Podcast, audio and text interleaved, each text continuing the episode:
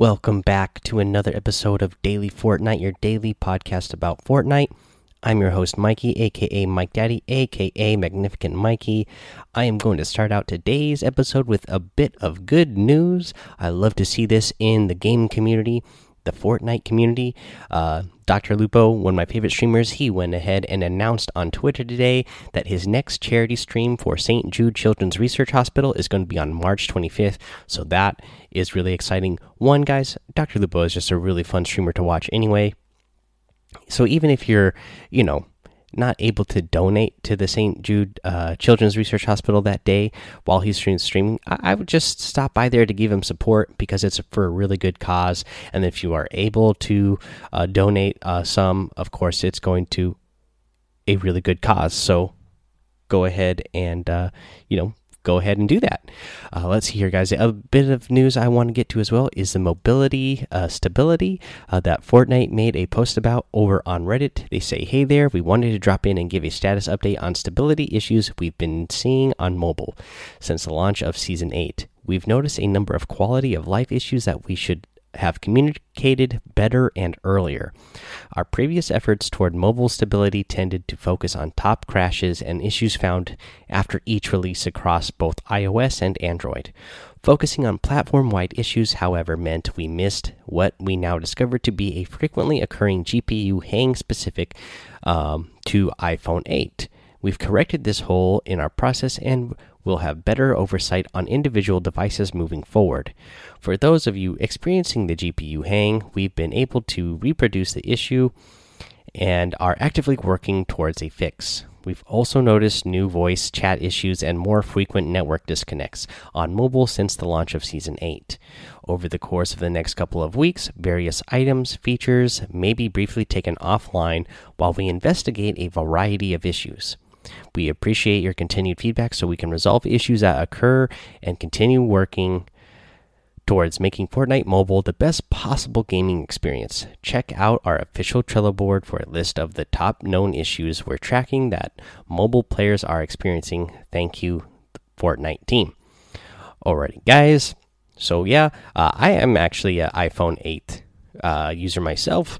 Um, I don't get on there and play very often. I got I recently got on and tried to play, got wrecked. Uh, but uh, during the middle of one of my matches, the phone, um, I mean the game, did crash while I was playing, and then you know I was getting wrecked on there anyways because I cannot play mobile at all. So I decided, ah, that's good enough anyways.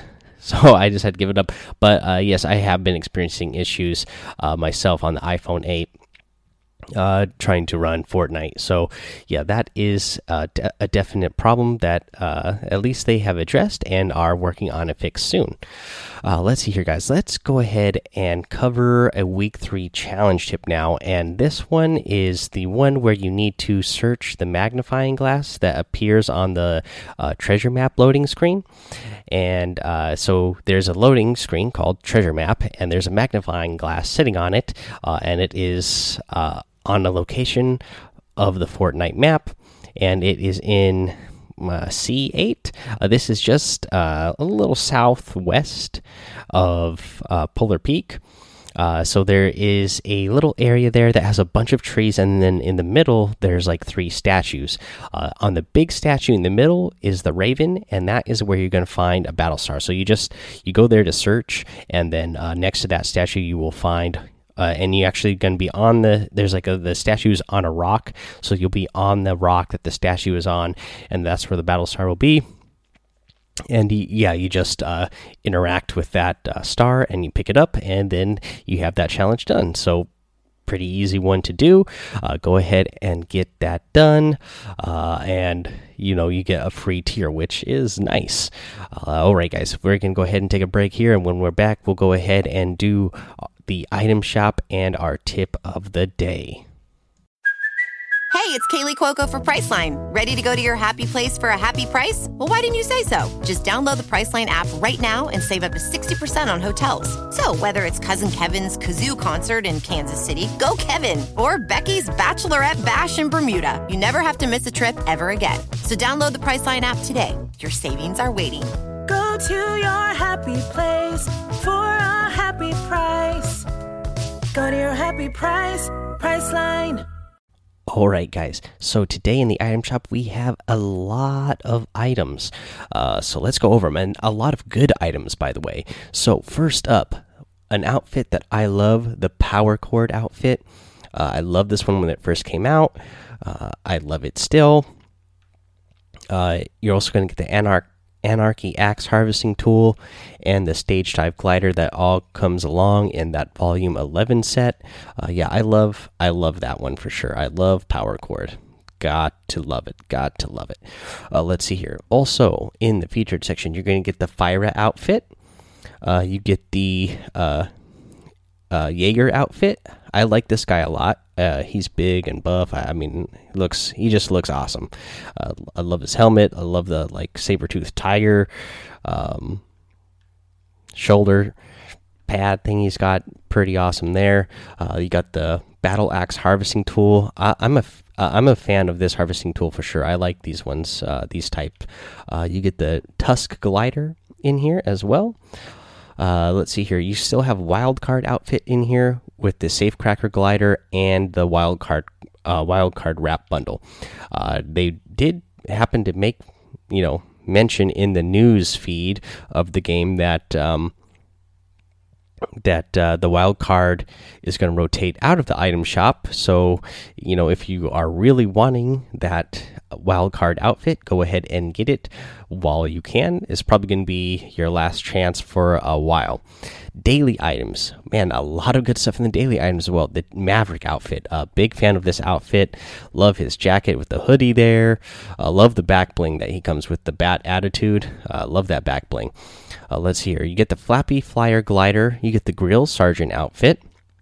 Uh, you have the phone it in emote, which is one of my most favorite emotes in the game. You get the air horn, air horn emote, and we have a new item, the Star Wand Harvesting Tool.